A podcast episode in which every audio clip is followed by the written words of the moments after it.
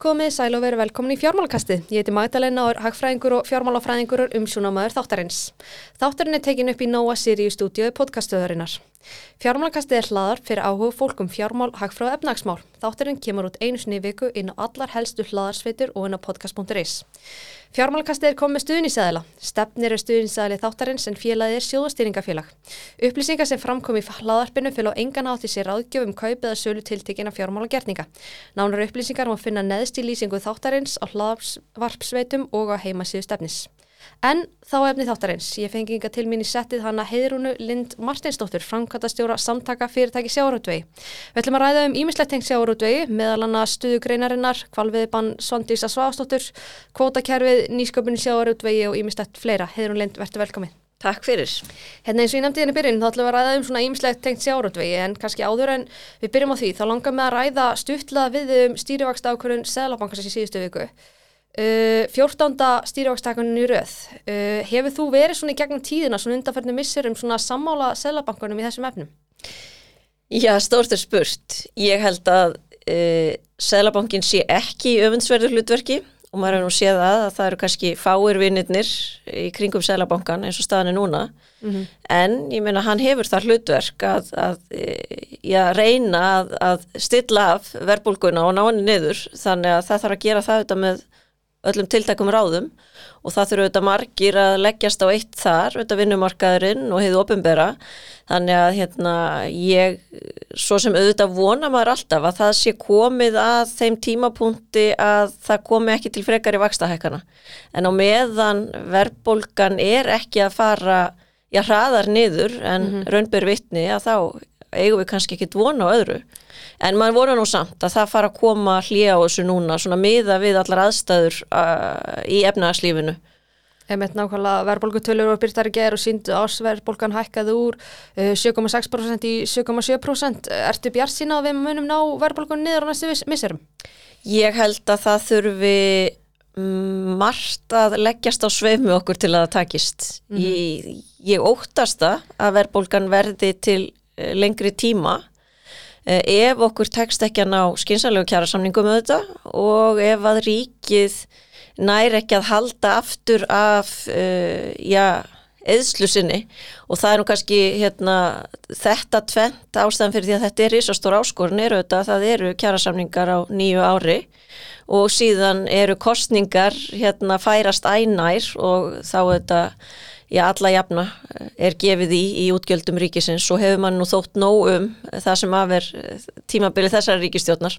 Einmitt, nákvæmlega, en þá kannski að sjáratögnum sem er ástæðan okkur og er komin hinga í dag. Mm -hmm. Hérna kannski við byrjum á að ræða tíndi dagsins í dag er náttúrulega 50 dagur.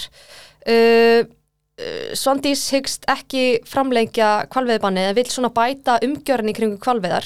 Hvernig svona horfir uh, þetta við þér og hvernig hefur allt þetta ferli svona í sumar hort við þér?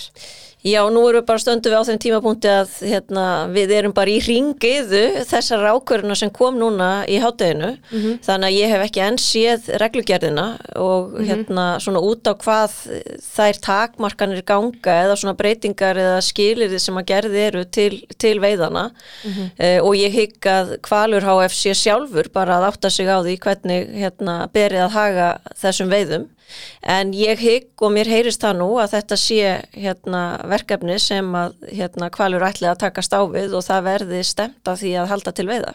Einmitt, en hvað finnst þér um ákveður ráðherra að banna þér með svona skömmum fyrirvara í upphafi? Við höfum verið mjög skýrum það strax frá upphafi að í mínum huga er alveg klárt að ákverðunin er ólögmætt. Mm -hmm. uh, og það er ekki oft sem að samtökinn tjá sig með svo afgerandi hætti eins og við höfum gert uh, en uh, það var ljóst frá öndverðu að þetta var ákvörðun sem að stæðist ekki lög Mm -hmm. uh, og þar voru þetta margir þættir sem að komu til og ég vænti þess að svo niðurstaða fáist í aðtugun umbósmanns alþingis við fengum legslögmanstofu til að vinna lögfræðilegt álit uh, á þessu og niðurstaða þess álits var alveg skýr mm -hmm. uh, að það væru hérna, já málsatug væru þannig að það væri farið gegn eignaréttar og aðtunumfrælsa ákvæði stjórnaskrár það væri farið gegn svona hérna andmælarétti auðvitað kvals máls uh, það hefði farið gegn stjórnskipulegu meðalhófi þannig að það, það var víða pottur brotin mm -hmm. uh, og af þeim sögum hefði maður haldið að ráð þeirra hérna mm -hmm. hefði svona kannski á einhverjum tímapunkti staldra við og jafnvel snúist hugur mm -hmm. uh, ekki bara sko alveg óháð því og mér finnst mikilvægt að maður hérna ítreki það ég veit að fólk það eru mjög skipta skoðanir á kvalviðum eðlilega, þetta er bara atrið sem við eigum að ræða og þá að takast á um og niðurst að þarf að fást á vettvangi lögjafans, hvort að þetta sé atvinnustarfsemi sem að á að vera heimiluð eða ekki. Við erum auðvitað þeirra skoðunar það eigi að heimila og þetta sé sjálfbær nýting auðlinda landsins þannig að við eigum að stunda hér kvalveðar svo lengi sem að hér sé áhugi á því að hálfa atvinnulífs. Uh, en... Uh, En ég held að hérna, þessi sko sagan muni ekki fara fögrum hérna, höndum um, eða blíðum höndum um þessa hérna, ákverðin ráð þeirra. Finnst þér að þetta er að leggja fram mann tröst og svondísi? Veist að ég ætla, ég hef svona reynd og bara í stör, störfum mínum hérna sem talsmaður atunugreinar að þá er ég ekki í pólitík en ég ætla bara að láta þinginu það eftir mm -hmm. að hérna sjáum það hvort að ráð, stak, ráð þeirra njótu frá einum tíma til annars tröst. Það er þingsins að skera úr um það. Uh, auðvitað getur fólki orðið á og mistök getur orðið en það er þá líka mikilvægt að þegar að ljóst er að þau hafi orðið að uh, já, fólk hérna, hafi þá mandóm í sér til að, til að leiðrétta það. Einmitt, mér langar næst að spyrja þess út í þarna kynningu Svandísa Svástóttir matvalar á þeirra dögunum þar sem hún kynnti tillögu starfshópa stefnumótunaverkefn sinns auðlindin okkar. Kanski þú getur farið bara svona stuttlega yfir það helsta sem kom fram og hvað þið finnst um þessa tillögur? Já, sko stefnumótun hljómar alltaf vel og sérstaklega við höfum kallað eftir hvað sjávarútu varðar að fá uh, svona einhverja sín stjórnvalda til lengri tíma uh, til hverstu ætlast af atvinnugrinni og hver eru markmiðin. Uh, hvað, hvað sjáum við sjávarútu fyrir okkur eftir 10 eða 20 ár? Hvaða verðmæti á hann að skapa? Hvað á hann að leggja til hagsældar og áframhaldandi góðra lífskjara? Þannig að hérna Mér hefur fundist það mjög mikilvægt þannig að ég hef tekið í fagnandi ef að stjórnvöld hérna, sína lit í þeim efnum og segja að við ætlum að hugsa eitthvað lengra en bara fram til næstu, næstu kostninga þannig að út og sé ekki alltaf bitbein e, pólitíkurinnar mm. e, en hins vegar er það síðan oft þannig að þegar að hérna, farið er í svona vinnu þá verður maður líka að vera raunsar. Mm. E, nýting náttúru auðlinda er í eðlisínu hápolítist mál Þannig að hérna, það fer alveg eftir því hvar í flokk fólk skipast, hvaða svona afstöð það hefur til svona þessara grund, hérna, grundvallar svona elementa í því hvernig við nýtum hérna, sjáaröðlindina.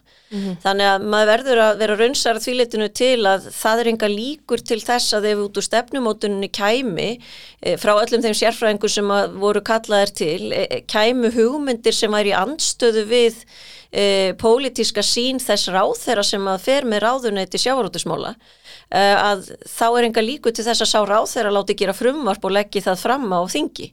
Frumvarpin hljóta alltaf að vera í samræmi við e, pólitíska sín og stefnu í að flokksins sem að sá ráð þeirra fer fyrir og auðvitað þess sem að framkemur í stjórnarsáttmála. Þannig að maður verður að hafa hérna svona já, raunsægi að leiðaljósi þegar farið er í svona vinnu. Og ég held að það sem kynnt var í vikunni síni það einfallega, það er raunin, það er hérna skísla sem að kemur og telur þessar 500 blaðsýður að miklu leiti er þetta umfjöllun sem við höfum séð í mörgum öðrum skíslum eh, þar sem að leitað hefur verið leiða til sátta um sjávarútu eins og það er oft skallað mm -hmm. Uh, ég meina aflamarskerfið er það kerfið sem að hérna, best reynist og við mm. ætlum að styðjast við það. Það var líka í skýslu árið 2000 og 2009 og 2016 mm -hmm. og þannig að hérna, það færir okkur ekki ný sannindi beinlinis. Nei. Það sem var líka gott í skýslunni er að það var fjallað um uh, svona þessar hugmyndir sem fram hafa komið um útbóð eða yngvöldun útbóð aflaheimilda Uh, og þar var bara rakið, reyn, rakin reynsla annara ríkja sem hafa farið þá leið og í öllum tilveikum nema einu látið af uh, þeirri svona hérna, leið til gjaldtöku. Uh, þannig að ég taldi nú alveg einsýnt að út frá þeirri umfjöllun að það erði þá vonandi hérna, leitt til líkt að svo umræða sem verið hefur. Og síðan var fjallaðum enn á ný þetta 5,3% þessi 5,3% aflaheimilda sem ríki tekur til sín og hefur til ráðstöfunar í svona hinn ímsu eða svona má segja potta hérna útlutanir af hálfu hins ofinbera miklir fjármunir þar sem að ríkið hefur úr að móða kannski 7, 8, 9 miljardar e, að verðmæti sem að ríkið er að rástafa ári hverju í strandveðar, í e, byggðapotta, í línu ívilnun, rækja og skellbætur, svona í félagslega þætti en við höfum aldrei einhvern veginn lagt mat á það hver er hinn efnaðslegi fórnar kostnaður í því að taka alla þessa fjármun út úr aflamaskerfinu mm -hmm. og mhm. setja það í já, annars konar hérna, leiðir sem að ekki skila jafnmiklum verðmætum eins og gertir í aflamaskerfinu. Þannig að þjóðin í raun verður af verðmætum við það að þessu sé ráðstafa með þessum hætti. Mér finnst þetta mikilvægt og mér finnst skísla nokkuð afgerandi um þetta að þessum fjármunum hefur ekki verið vel varið og þeim hefur ekki, við höfum í raun ekki náð því markmið sem aðeins stemt, svona einhvern veginn að treysta byggði í landinu og huga svona þeim þáttum uh, til þess að ná þessari markumrættu sátt. Þannig að það er jú lagða til breytingar inn í því kerfi en þar með talið er þá lagt til að fara einhvers konar útbóð á hluta þessara aflaheimilda. Einmitt. Nú aðeins að kannski svona viðhorfi almennings til sjávarútvaksins og þá sérstaklega kannski kvótakerfisins. Svona reglulega þá sprettir upp umræða þar sem margir lýsi yfir andstöðu við kerfið en á sama tíma eru, já margir bara auðlinda hagfræðingar heimsamala um að kerfið svona skapi hafðkvæmni í veiðunum eins og þú varst að nefna á þann og uh, hér á landi sjávarútvakur er ekki nýðugreiturinn viðast hver annar staðar. Hvað svona, uh, akkur telur að það sé svona mikil andstæða við kvótakerfið? Góð spurning, sko, í fyrsta lagi hérna fælst í þessu staðhæfing sem ég er ekki alveg sammóla um and, andstöðu við hérna kvótakerfið. En það er allavega sko, einhverjir, einhverjir sem að hafa, er, eru allavega ekki sammálaði. Já, já, alveg klart mál og hérna við höfum séð það, ég hef séð kannanir alveg frá 1983 mm -hmm. held ég um afstöðu fólks til sjávarútöks og þá mhm. kerfið sinn, sko og þar er þetta nú, ég myndi halda að þetta sé einn mest segfljótandi skoðun Íslendinga hérna kannski á nokkru málefni. Hávar minni hluti? Já, ég myndi að halda að þetta er svona kannski helmingur sem er jákvæður gagvart sjávarútvegi og kerfinu mm -hmm. það er kannski hérna 25, ríflega 25% sem að eru hlutlausir svo er svona um kringum 20% sem eru neikvæðir eða mjög neikvæðir og þetta kemur manni kannski ekkit mjög og óvart ymmit vegna þess sem ég sagði á þann að nýting náttúru öðlinda er í aðlisinu politist mál. Á ríkið að vera allt um leikjandi í því hvernig öðlindinni er ástafað og hvaða verðmætti er úr þessi gerð og er þetta byggðapólitík eða ætlum við bara búið til verðmætti, það er bara misjast hvert markmið er og það er bara ólíkt á milli flokka hvað þeir telja markmið með fiskveðstjórnakerfi eigi að vera. Mér finnst eins og að ljóst fyrir okkur Íslendinga að sko, já sérilega þegar kvotakjörnum á komið á, ég menna við höfðum ekki annað en sjávarútök til að skapa verðmæti og búa hér til hagsælt. E, núna sem betur fyrir komnar þetta miklu fleiri stóðir undir útrutning okkar og, og hérna auðvitað framlag til góðra lífskjara á Íslandi en eftir sem áður er sjávarútu og burðar stólpi okkar efnaðarslífi og skila ríkulega, ríkulegu framlagi ymmið til havakstar og, og góðra lífskjara. Þannig að við getum eða ekki leift okkur þann munað að hugsa sjávarútu sem einhvers konar byggðapólitík eins og mm -hmm. þetta mhm. sé landbúnaður eða e, eins og þetta er bara í mörgum öðrum ríkjum. Noregur sem dæmi, þetta er miklu meira svona landbúnaðar kerfi í Noregi og Evrópusambandinu og, en þær þjóðir hafa kannski aðra, aðrar tekjulindir, ég minna normen hafa þessa voljöðlindina og þannig að við bara, þetta er kerfi sem við ákvæðum vegna þess að það var af nöðsyn, efnahaslegri nöðsyn mm -hmm. og ég held að við um alls ekki að leika okkur með þessa gullgæs vegna þess að það þá, þá grefur undan lífskjörum komandi kynsluða. Einmitt. Og hérna það eru líka ýmsið sem svona kalla eftir herri veiðgjöldum og aukinni skattheimta sjávarútvegin. Getur sjávarútvegin staðið undir frekari skattheimtu og er hún físileg? Sko alltaf er þetta spurningum samkefnisæfni sjávarútvegs. Við erum útflutningsatvinnu grein og þar mm. erum við að keppa við sjávarútveg annara þjóða. Þar sem við erum eins og nefndir áðan, niðugreitur sjávarútvegur að öllu leiti hérna annars þar í heiminum þannig að það þarf að huga að þessari heildarmynd að horfa alltaf bara á veiðigjaldið sem framlag sjávarútvöxt til samfélagsins. Það eru þetta bara brota brota af ver, þeim verðmætum sem samfélagi fær. Er ekki líka fleiri gjöldlega á sjáratögin en bara veðigjaldi? Jú, jú, hérna, við erum með auðvitað tekjuskatt og síðan eru sjómenn þeir hæslaunuðu allra Íslendinga, allra atvinnugreina hér á landi, óþekkt á heimsvísu, framlag mm. þeirra auðvitað í útsvarstekjum og annað þess áttar, við erum með góðlaun í fiskvinnslu, hærra en meðaltal í hagkerfinu, þannig að þetta eru góðlaun, heilsástörf sem eru auðvitað að skapa tekjur fyrir ríkisjóð með þetta hérna, skattekjum þá einstaklinga líka sem að koma þá úr sjáarútvegin þú veist, síðan er aflagjald, það er kólefnisgjaldið hérna, tryggingagjald, ég menna það er margt sem rennur til ríkisjóðs umfram þetta.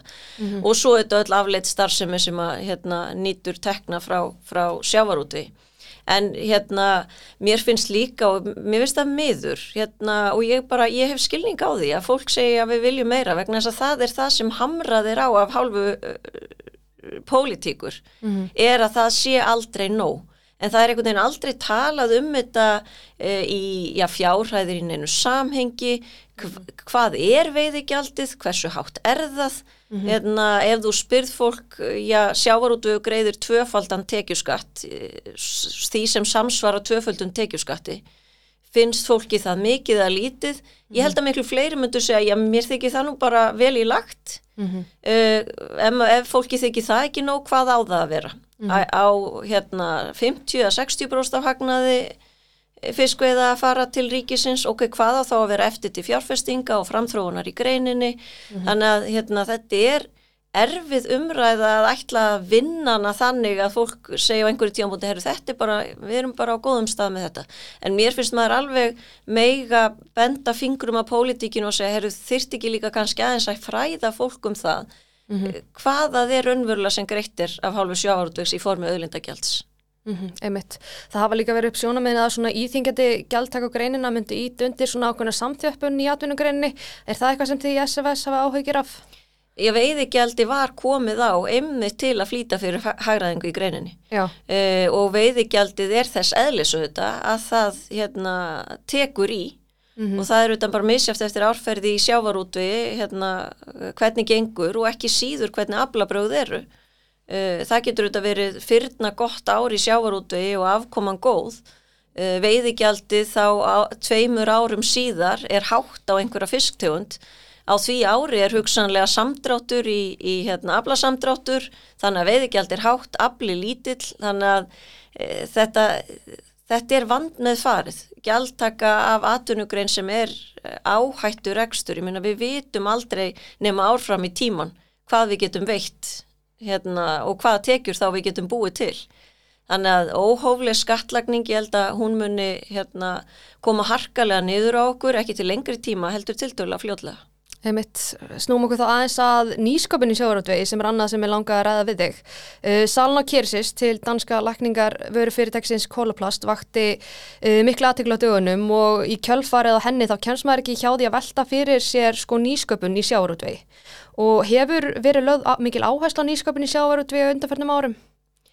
Það gerir það klárlega og mér finnst mikilvægt að maður hugsa þetta þannig að þetta nýsköpun verður ekki til úr bara einhverju. Hún, hún mhm. sprettur upp vegna þess að það er eitthvað jarðvegur til staðar.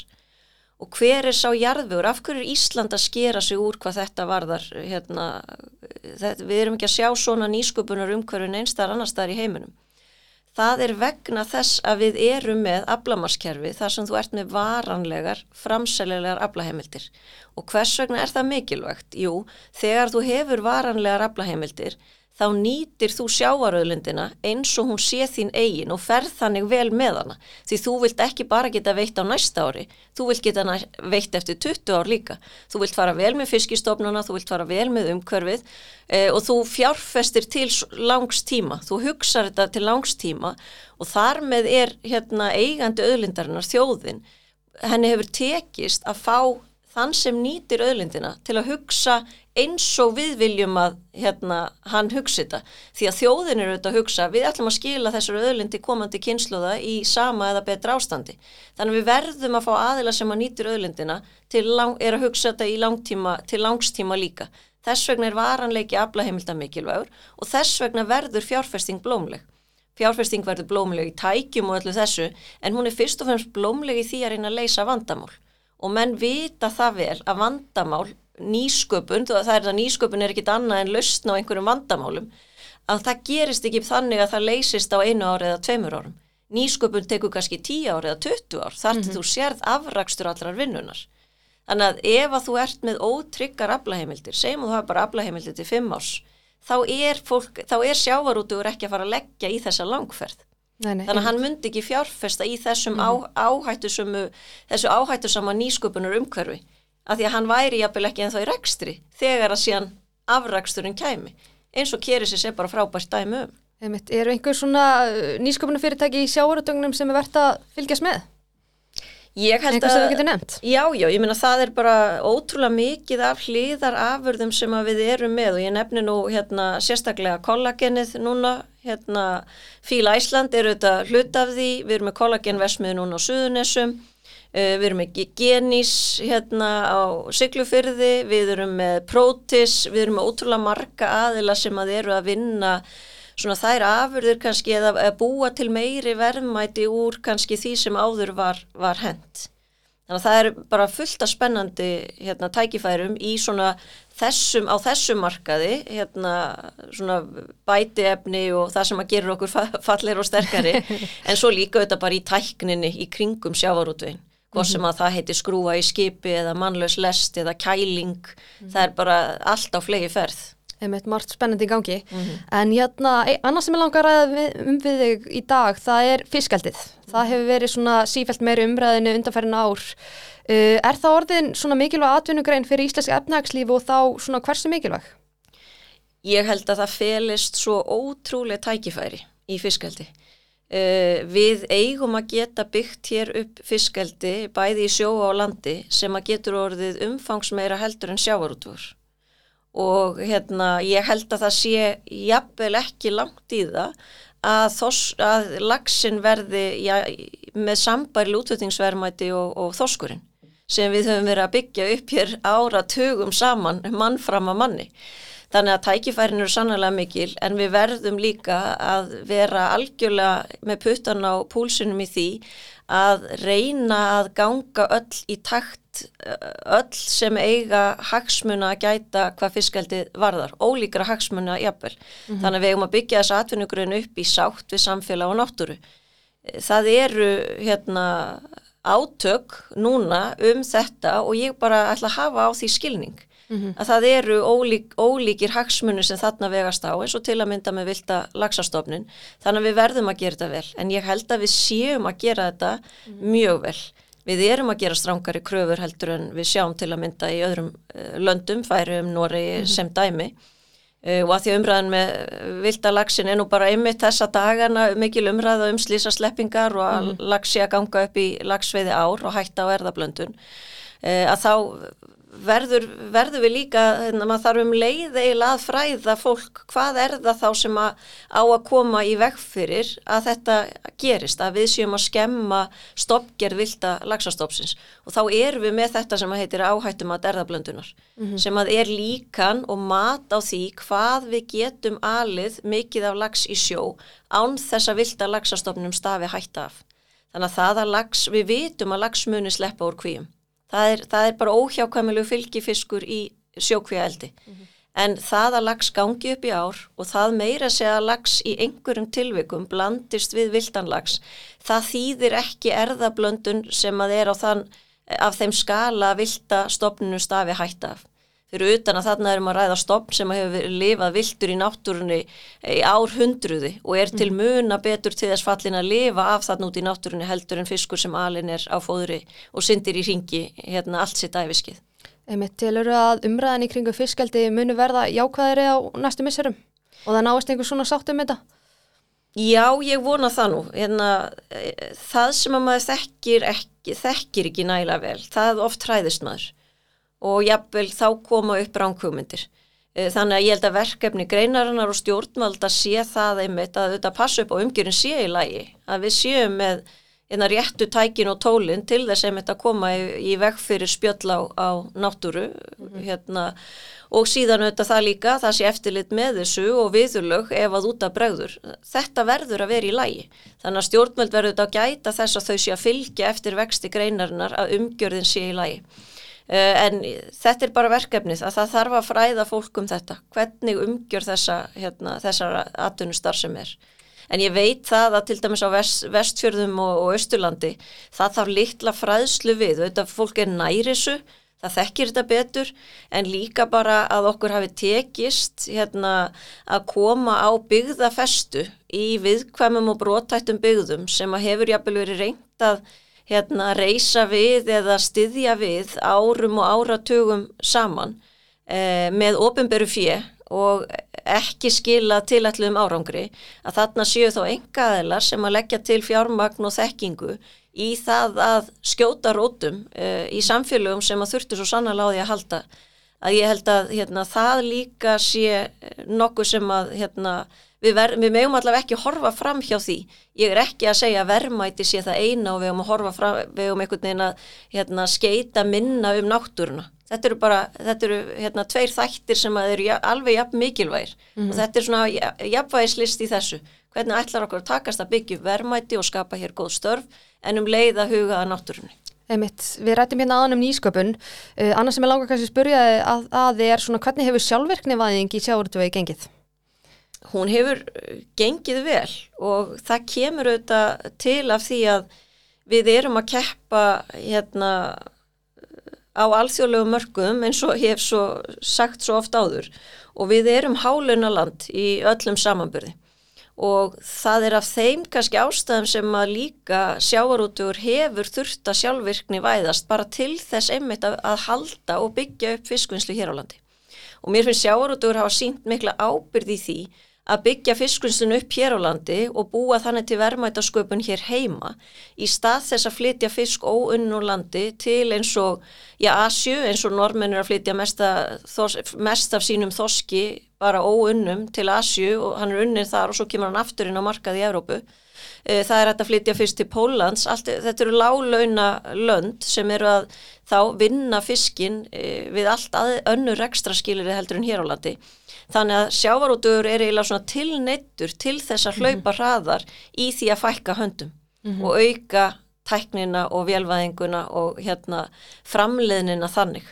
Einmitt. En hvernig hafa orkuskiptin í sjávarútugur gengið? Þau hafa gengið vel. Ég meina árangurinn er klárlega góður og eftirtækta verður.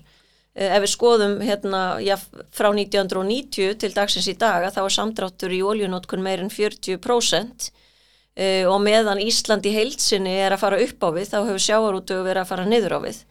Uh, en það þýði þá líka næstu skref verða erfiðari. Það er bara úr hérna, eh, samdrátturinn verður erfiðari þegar það er búið að ná þessum árangri. En hérna metnaðurinn er svo sannalegi minni. Og metnaður sjáarútus er auðvitað alveg klárlega að sá að halda áfram á þessari vegferð meðan að ekki eru komin skip sem ganga fyrir öðrum orkugjöfum en jarðefnaelsniti að þá er augljóst að fjárfestingin verður í bara sparnitnari skipum hagraðingu í flótanum, hérna, afkasta meiri skipum, bara eins og verið hefur, við höfum þetta bara að gera áfram vel það sem að verið hefur gert, eða það sem við höfum verið að gera.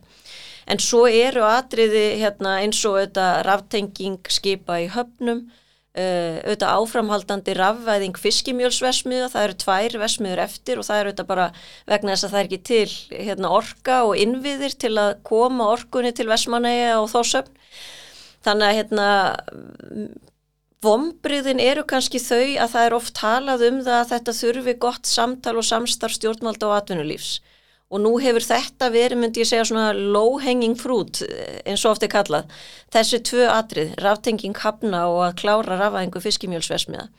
Uh, og það í raun hefur ekkit gerst og við, ég ætlum ekki að fara í umröðunum það hvernig okkur er að takast að halda áfram að búa til meiri grænu orku það mm. verðist korki í ganganir rekka þar.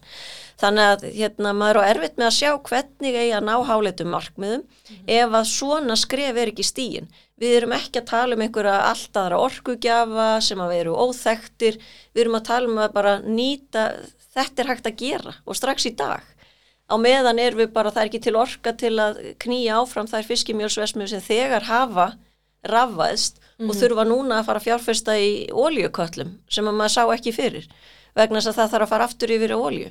Þannig að því miður þegar eins og hefur komið núna á síðan stór loðnuvertið þar sem að fiskimjölsvesmiður eru að miklum hluta keirðar á e, ólju að þá muna sjálfsögðu hérna samdrátturinn okkar hérna já hann verður engin, hann, því miður verður aukning í óljunótkun frá sjávarúti e, á þessu ári, alveg klart mál. Einmitt. Hvað getur stjórnvöld gert til svona, að þínu mati til þess að íta undir velselt greinarinn? Hvað myndi þið í samtöku fyrirtæki sjávarútvegi vilja sjá? E, það er nú einmitt það sem að ég hefði vilja sjá í svona skýslu eins og var að koma út. Mm -hmm. Samanburð við aðrar þjóðir og hérna ekki bara hvað fiskveiðar varðar, heldur einmitt áskoranir fiskvinnslu. Hvernig ætlum við að tryggja það að við ætlum að skapa verðmætin hér heima í fullvinnslu afurða í stað þess að fisku verður fluttur óinn úr landi. Það eru bara hinn erfiður ekstralegu skilir þið eru hérna í fiskvinnslunni. Uh, en líka svona bara þessi stóra mynd, hver, hver, er, hver eru ekstra skilir þið þess sem að er í sjávarútu í Nóri, hver eru ekstra skilir þess sem er í sjávarútu í, í Færium, að bara við skiljum hvernig sangkjafnin fungerar og við náum okkur aðeins upp úr hjólfurum þess að tala aðeins um, um veðigjaldið. Þannig að þetta snýst um, klárlega um þetta, stóru heildarmyndina á, á samkeppnishæfni. Og síðan auðvitað hérna, sem að ég hygga allt atvinnulíf hérna, hugja að, að svona það sé minna af því að stjórnvöld sé að þvælast fyrir. Hérna, regluverki sé ekki orðið þannig að það allt taki vikur og mánuði sem að ætti alla jafna að vera auðsótt hvort sem sóttur um leifi, e, uppbyggingu, e, hérna, byggingar, hva, hvað eina sem þú nefnir, að ríkið sé ekki til trafala.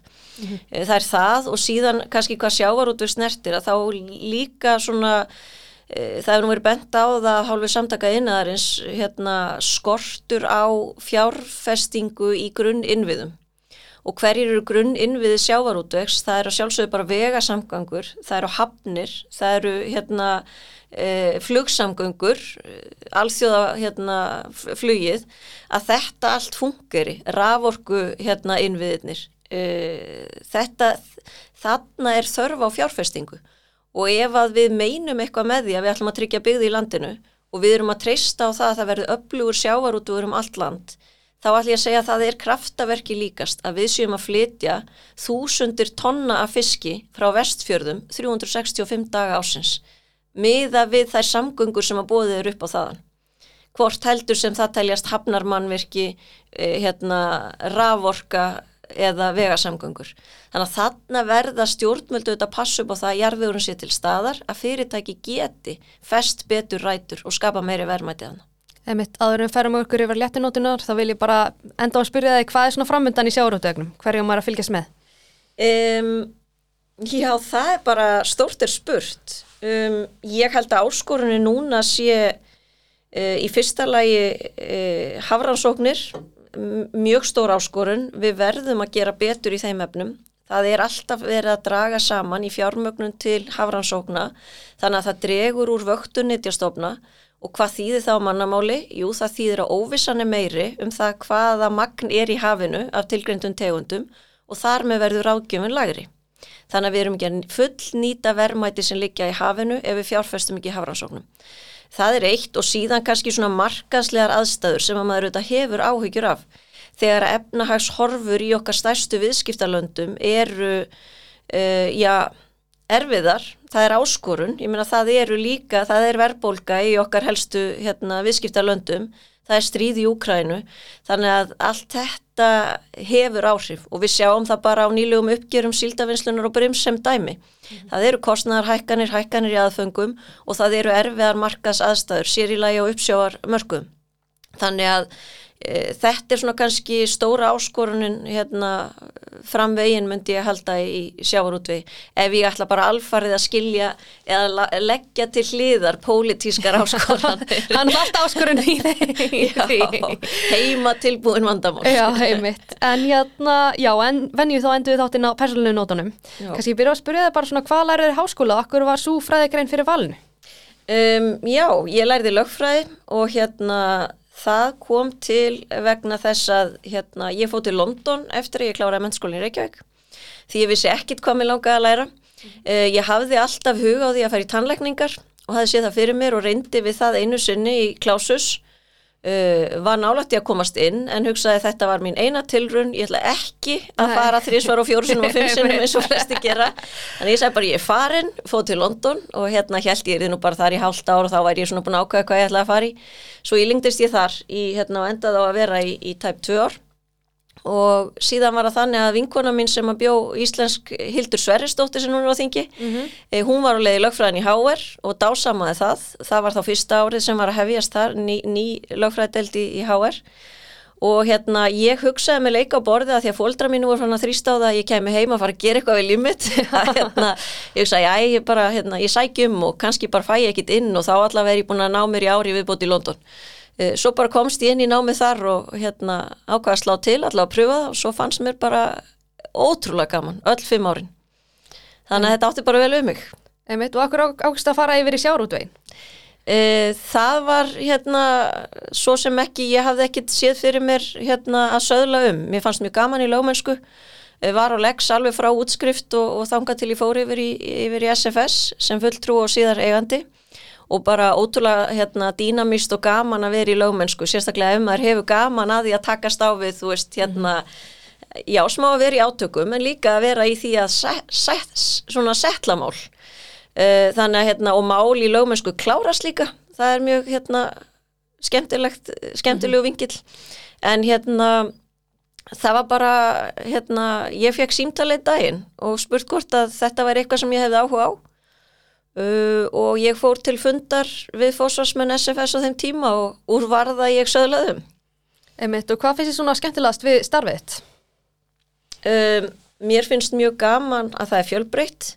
Það er auðvitað í þessu að vera sko frangatastjóri fyrir hérna hagsmunarsamtöku í sjáarúti.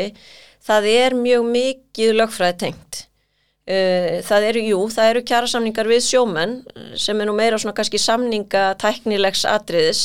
Uh, en það eru líka, hérna, við erum í sendinemdum með hérna, stjórnvöldum hvað varðar samninga um deilistofna, makri, loðnu, síld, kolmuna.